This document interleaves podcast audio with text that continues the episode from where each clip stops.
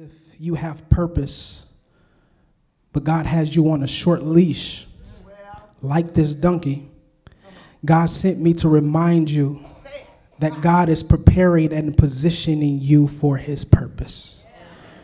And catch this we fail to preach the rope, but the rope stands between that the we fail to preach the rope that stands between you and the donkey. But this rope is a constant reminder of the grace of God.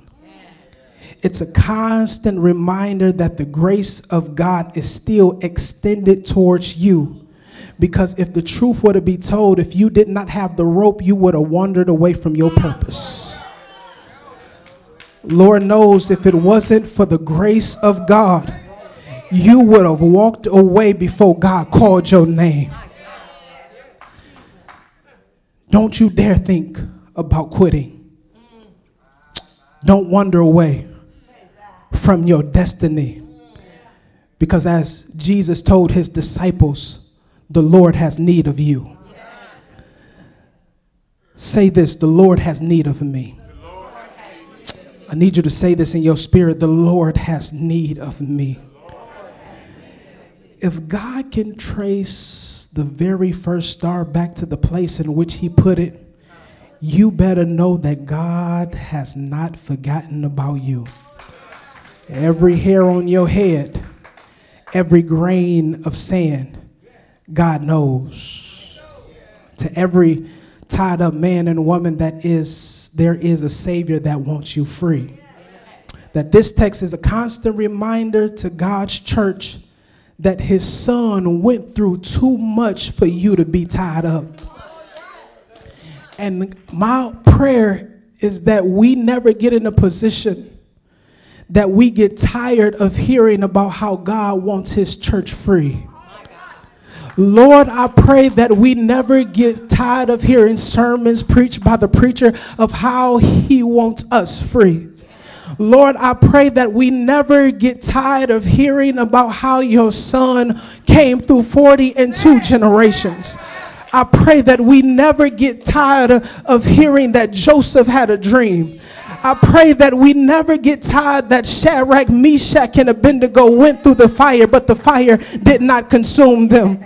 I pray we never get tired of hearing stories like Daniel in the lion's den, who will look like a lunch plate, but after spending time with the lion, he became devotional. I pray that we never get tired of hearing about how Jesus came, he lived, and he gave us life.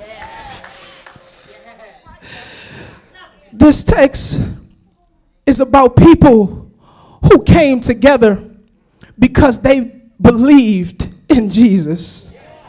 My question that I want to ask you before we leave out of here is do you do you believe? Do you still believe that he is the king of kings? Do you believe that he is the lord of lords?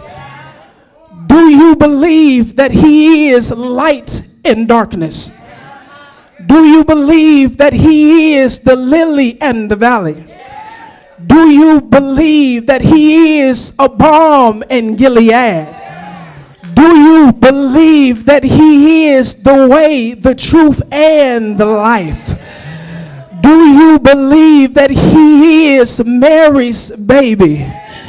Do you believe that he healed the sick? Do you believe that he raised the dead? Do you believe that he turned water into wine? Do you believe uh, that he came for the uncomfortable uh, and that he made the comfortable uncomfortable? Uh, do you believe that he raised the dead? Do you believe that he still has a healing for your circumstance? Do you believe that the Lord still has need of you? If you believe it, will you open up your mouth and call that great name that still has power? Do you believe that he healed the sick, that he raised the dead, that he fed thousands fish and five loaves of bread. Do you believe it? Will you receive it? Open up your mouth and give God some praise. Say yeah.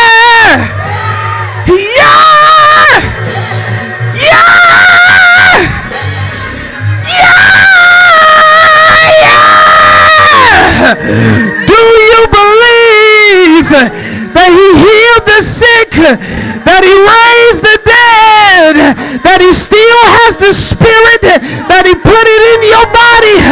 If you got the spirit, touch somebody next to you and say, I believe it. I will receive the power of the Holy Ghost is in my body. I will yell because I believe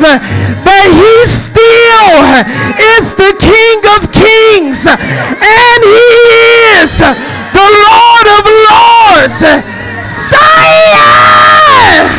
Zion!